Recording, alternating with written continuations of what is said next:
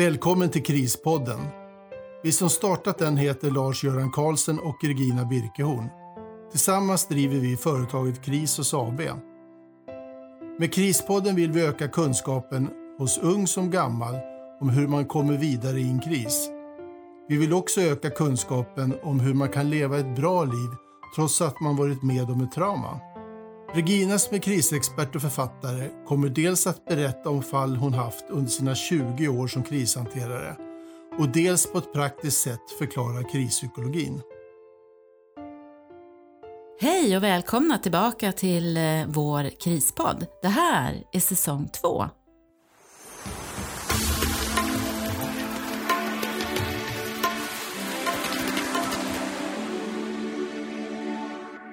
Jag får ibland frågan om det är så att alla människor som jag möter eller att, eh, som jag har haft i samtal klarar sig och kommer vidare i livet.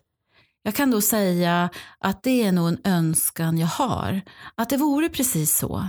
Men livet i sig är ju inget som jag styr eller rår över.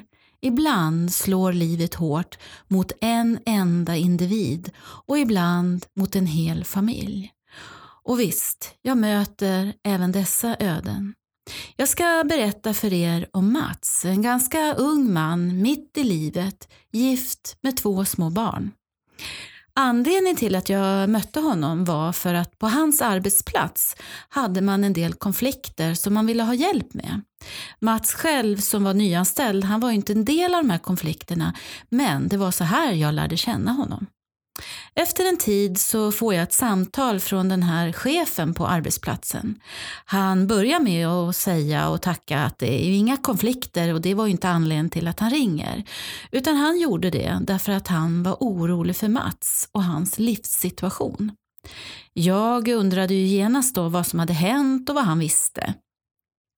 Chefen berättade att Mats, han hade precis förlorat sina föräldrar i en trafikolycka för en väldigt, eh, alltså väldigt kort tid sedan. Men inte nog med det. Chefen hade också fått höra av Mats kollegor att hans svärföräldrar också hade dött i en tragisk olyckshändelse. Chefen var orolig för Mats och hans familj. Företaget hade bestämt sig för att man skulle koppla in någon för att hjälpa Mats och hans familj. För alla på företaget eller på arbetsplatsen var verkligen engagerade i det här och det i sin tur gjorde att arbetet blev påverkat. Jag frågade om man hade frågat Mats om denna välvilja att ge honom och hans familj stöd, om det var något som de själva ville ha. Chefen drog efter andan och sa ja, ja, ja, jag har pratat eh, och, och, frågat om de vill ha stöd och han sa att han ville ha dig. Han tycker att du var en klok människa och han har förtroende för dig. Okej, okay. Men då gör jag så att jag ringer och pratar med honom och sen troligtvis så åker jag dit. Så kan jag väl återkoppla lite senare till dig. Ja, ja, ja, tack, tack, tack. Det ska bli jätteskönt att få meddela övrig personal att han har fått stöd, för de är verkligen oroliga.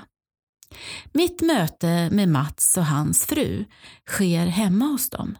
När jag väl sitter där hemma i samtalet och när vi kommer igång så får jag också höra, för Mats berättar att han har förlorat sin enda bror bara ett år tidigare.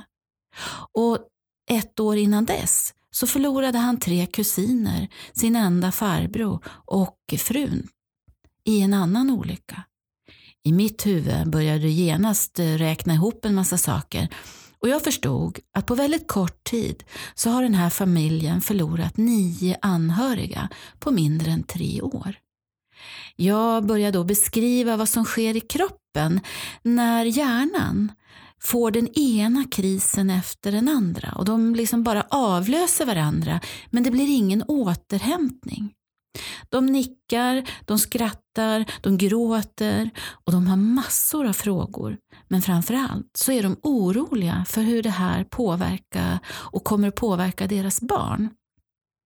Och som förälder så vill de ju veta vad ska vi göra när livet slår så hårt mot oss alla. Jag träffar den här familjen vid flera tillfällen och under tiden framöver här då jobbar Mats och hans fru 75 procent. Det är för att ge sorgen och framförallt återhämtningen en chans. Jag ser att med tid som går så, kommer, så märks det att de börjar liksom ta tillbaka och kraften finns där i vardagen igen. Och det är ungefär där då som våran kontakt avslutas. Sju månader senare så får jag ett samtal av den här chefen igen. Han börjar med att upprepa att allt är bra på arbetsplatsen men nu har det hänt något igen.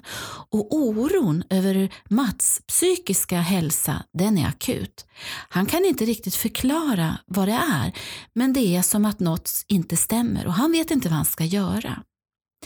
Jag åker än en gång hem till familjen och där möts jag av Mats fru. Hon tar mig lite åt sidan och viskar till mig. Det är något som inte stämmer. Det är något som är fel. Jag vet inte vad jag ska göra. Jag är så rädd. Blicken som jag ser är fylld med skräck. Jag sätter mig ner bredvid Mats och då är det hans fru som berättar att Mats barndomskamrat har fått en hjärtinfarkt och han har dött bara för två veckor sedan. Och efter det är det något som inte stämmer och det stämmer inte med någonting. Det här är inte Mats. Jag ser på Mats. Hans ögon är frånvarande och blanka och han ser nog inte ut som att han ens har förstått att jag sitter där framför honom.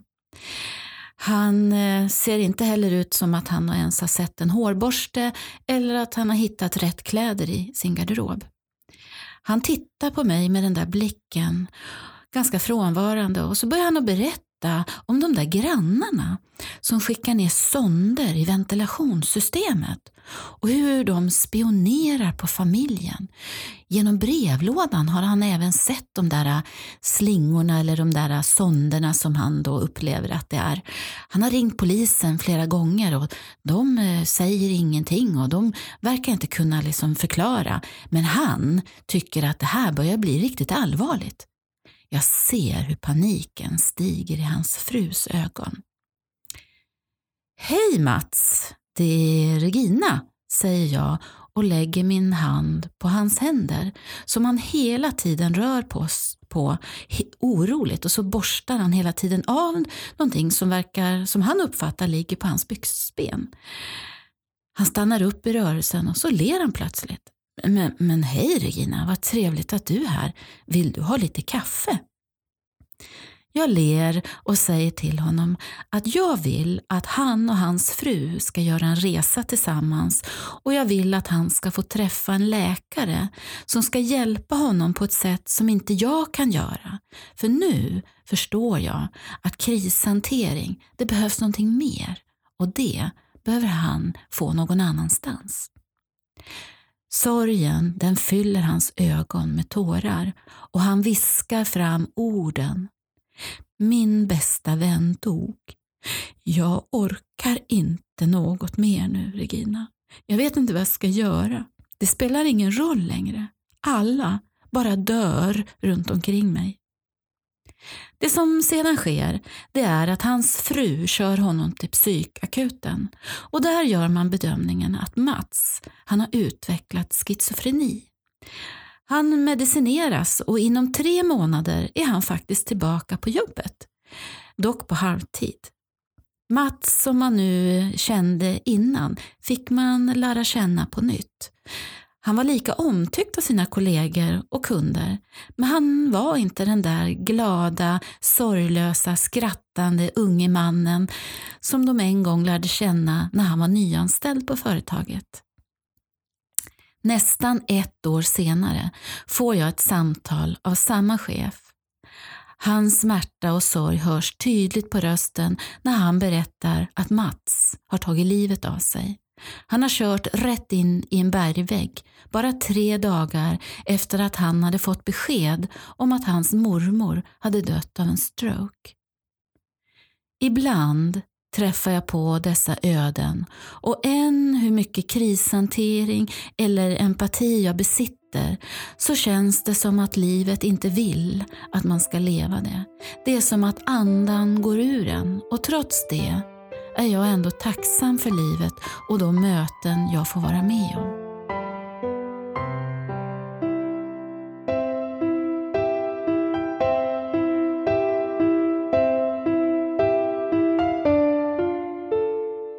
Tack för att du har lyssnat på Krispodden.